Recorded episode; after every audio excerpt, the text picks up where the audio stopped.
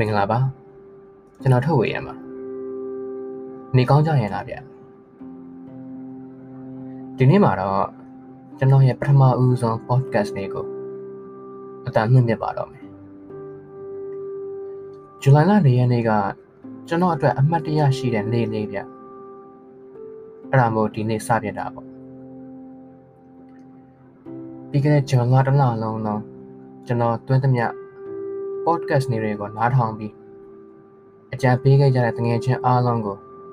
ကျေးဇူးတင်ပါတယ်လို့ဒီကနေထပ်ပြီးတော့ပြောပြရစီဗျပ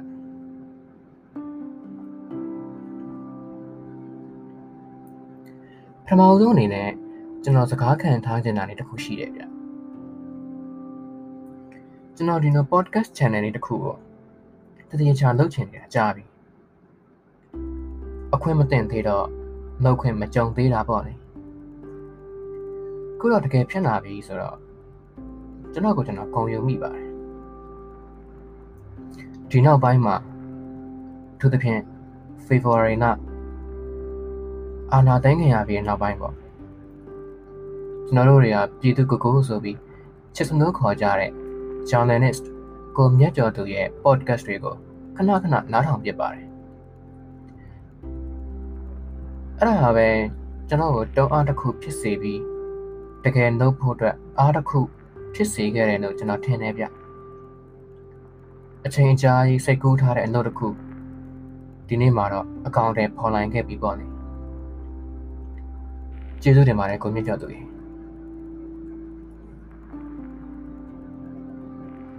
ဒီနေ့အတွက်ခေါင်းစဉ်ကိုကျွန်တော်နဲ့ရှမ်းမြောက်ကနေရများလို့နာမည်ပေးထားပါတယ်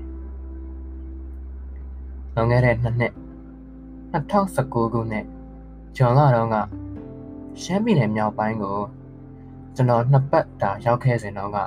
အမတရားလေးတွေကြုံခဲ့ရတဲ့အဖြစ်ပြန်လေးတွေအကြောင်းကိုပြောပြပေးခြင်းလို့ပါအဲ့ဒီတုန်းက Europort မြန်မာရဲ့အစီအစဉ်နဲ့အတူရောက်ခဲ့ကြတာပေါ့လေပထမတစ်ဖက်မှာကြရှမ်းမြောက်မှာရှိတဲ့ စစ်ဘေးရှောင်စခန်းတွေစီတွားနေလာပြီးကလေးတွေနဲ့တွေ့ကြမယ်သူတို့နဲ့စကားတွေပြောကြမယ်ပေါ့လေ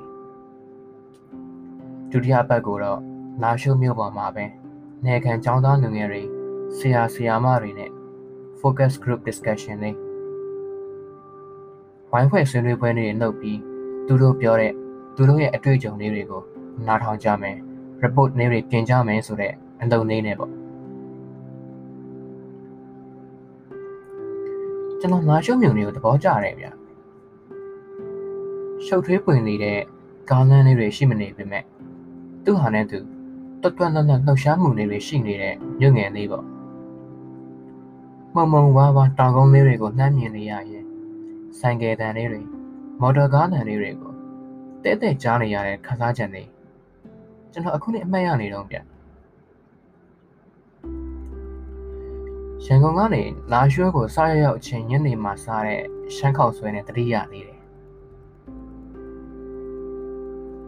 ကျွန်တော်တို့ကအုပ်စုနိုင်သွားစားကြတာဗျလာရှိုးစိတ်ထဲမှာ6ယောက်9ယောက်ပေါ့လေလူများတယ်ပေါ့ဗျာဆိုင်တဲ့ရောက်ရောက်ကျွန်တော်တို့တွေကတယောက်ကိုနှစ်ပွဲသုံးပွဲနဲ့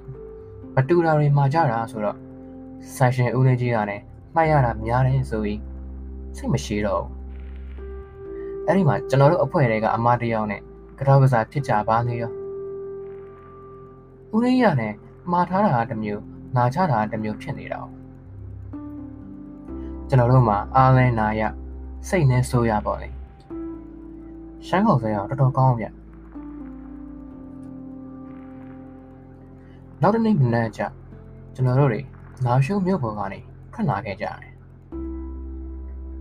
စစ်ပေးချောင်စခန်းတွေစီခရီးဆန့်ခဲ့ကြတာစိမ့်နေတဲ့တောတန်းတွေတောင်ကုန်းလေးတွေနဲ့ဖြူးနေတဲ့ကတ္တရာနမ်းမကြီးတိတ်လာတယ်ကျွန်တော်အခုထိမျက်လုံးတွေကမထွက်နိုင်တဲ့မြင်ကွင်းလေးပဲကားပေါ်မှာထိုင်လိုက်လာရင်းနဲ့ကမ်းမြောက်တဲ့အခါကျခလေးတွေနဲ့တွေ့တဲ့အခါသူတို့နဲ့ဘယ်လိုစကားပြောမယ် သူတို့ရင်းနှီးမှုရှိအောင်ကျွန်တော်တို့ဘယ်လိုလုပ်ပင်ဆိုတာကိုတွေးရင်းနေပေါ့ဗျာကျွန်တော်တို့သွားနေတဲ့လမ်းကလာရွှေမူဆယ်လမ်းမကြီးဗျအဲ့ဒီလမ်းမကြီးပေါ်ကနေကုတ်ခိုင်အရောက်မှာလမ်းကျုံလေးတစ်ခုစီ꿰ပြီးဆက်သွားရတာ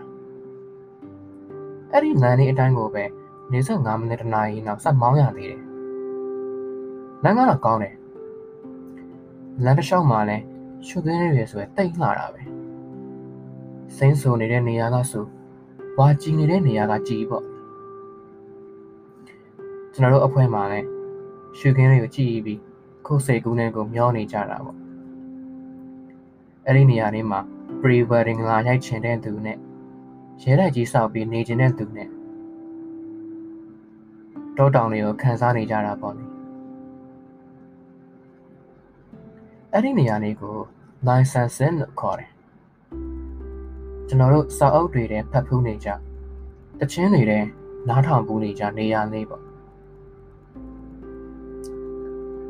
တောင်30 licensing လို့လည်းနာမည်ကြီးသေးတယ်အဲ့ပါဗျာကျွန်တော်ကိုယ်တိုင်မျက်မြင်ကိုယ်တွေ့အရှင်လက်လက်ကြီးကြုံခဲ့ရတယ်ဆိုပေမဲ့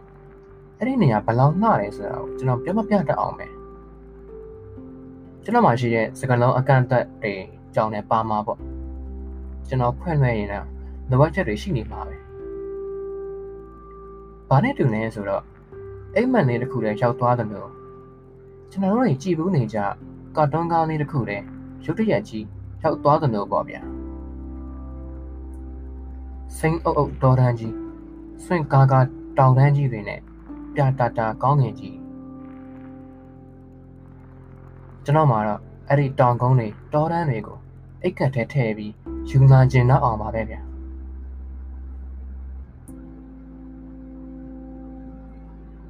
အဲ့ဒီစခန်းလေးကရှမ်းမြောက်မှာရှိတဲ့အကြီးဆုံးစစ်ပေးရှောင်စခန်းလို့သိရတယ်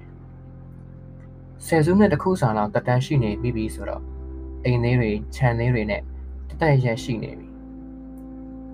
မူလာရန်ကျောင်းလေးတစ်ကျောင်းနဲ့ church လေးတစ်ခုနဲ့ရှိတယ်ဗျ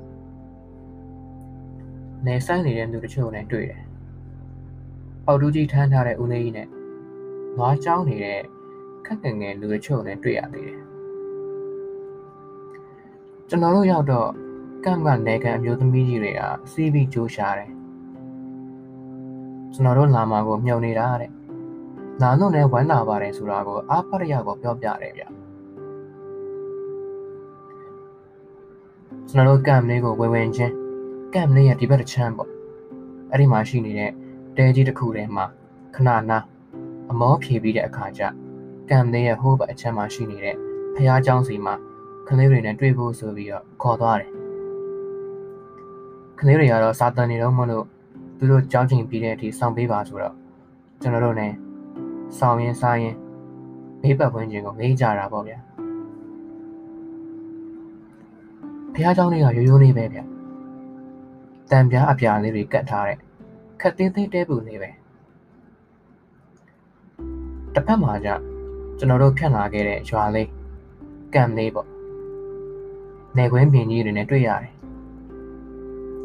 ခက်ဝေးဝေးမှာတော့ပုံပြပြတောင်တန်းကြီးနဲ့မြင်နေရတယ်ငှက်လေးတွေတကြီးကြီးတန်းနဲ့ကြားနေရတယ်နေတိုးနေတဲ့အတန်ကလည်းကြည်နူးစရာကောင်းတယ်ကျန်တဲ့တစ်ဖက်မှာကျတောင်ကုန်းလေးတစ်ခုရှိတယ် ကျွန်တော်ထင်တာမမှားဘူးဆိုရင်လူနေအိမ်9ထပ်10ထပ်စာအမြင့်တော့တော့ရှိတယ်အဲ့ဒီလိုနဲ့ကလေးတွေစာတင်ပြီးတဲ့အချိန်စောင်းရင်အချိန်ကုန်ခံကြတာပေါ့လေတပ်ပုံလာရတဲ့သူကရိုက်ပြင်ဆင်နေတဲ့သူကလည်းပြင်ဆင်အကိုတယောက်ကလည်းဖះသချင်းလေးနေကျင်နေတာကျွန်တော်လည်းအဲ့ဒီအကိုဖះသချင်းဆိုနေတာကိုနားထောင်ရင်းနဲ့ရွှေကင်းတွေငေးနေတာပေါ့ နည်းနည်းနည်းနည်းကြာတာရောတိတ်မမူမူမမှန်တာတွေကိုသတိထားလာရတယ်ပတ်ဝန်းကျင်ကနည်းနည်းတိတ်ဆိတ်သွားတယ်ချောက်ကက်ကက်ကြီးဖြစ်လာတယ်ခုနကြားနေရတဲ့ငှက်တန်တွေနဲ့မကြားရတော့ဘူးနားချောင်းနေတဲ့အကိုကြီးနဲ့ပျောက်သွားတယ်ကျွန်တော်တို့ဖြတ်လာခဲ့တဲ့နန်းလေးရတယ်ရှင်းနေရော လူကြီးတွေမျက်နှာကိုကြည့်လိုက်တော့တည်ငြိမ်နေပြီးတစ်ခုခုကိုစိတ်ပူနေတာကိုကျွန်တော်ခံစားရလာတယ်အဲ့ဒီတော့ကအနေထားနဲ့ဆိုရင်ရန်ကုန်မှာမွေးပြီးရန်ကုန်မှာကြီးပြင်းလာရတဲ့ကျွန်တော်အတွက်အသက်အဆန်းဖြစ်တဲ့အတန်တွေနဲ့အဖြစ်အပျက်တွေကိုကြုံရတော့မယ်ဆိုတာဘယ်သိခဲ့ပါလဲ။ညကန်းတစ်စီမကြောက်ဆိုတော့ပေါ့။မကြုံဘူးတော့ ကြောက်ရကောင်းမှန်းလည်းမသိ။ဆက်စုချင်နေတဲ့စိတ်ကပဲကြီးစိုးနေခဲ့တာပဲ။လူကြီးတွေကအတန်မထွက်ဖို့ငြိမ်ငြိမ်နေဖို့ကိုခက်စစ်စိတ်ပြောလာတော့ပိုပြီးတန်တရားဝင်လာတယ်။ဘာတွေဖြစ်နေတာလဲပေါ့လေ။စိတ်နဲ့လှုပ်ရှားနေတာပေါ့။တိတ်မကြခင်မှာပဲ ကျွန်တော်တို့စောင့်နေခဲ့ကြတဲ့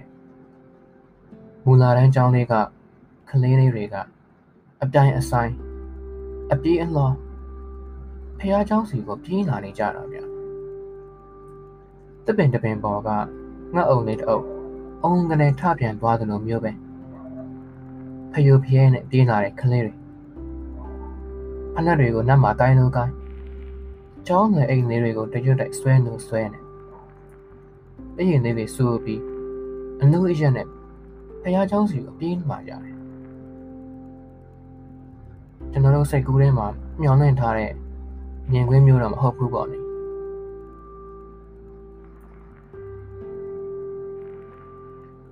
ဒီနေ့တော့ဒီမှာပဲခဏနားပြရစေအောင်ကျွန်တော်ဘဝအတွက်မမိတ်နိုင်တဲ့အဖြစ်အပျက်တစ်ခုကိုပြောရင်နောက်တစ်ပိုင်းမှာဆက်တွေ့ကြတာပေါ့ ကျေးဇူးတင်ပါတယ်ကျမ်းမာရေး queue ဆိုင်ကြပါဗျာ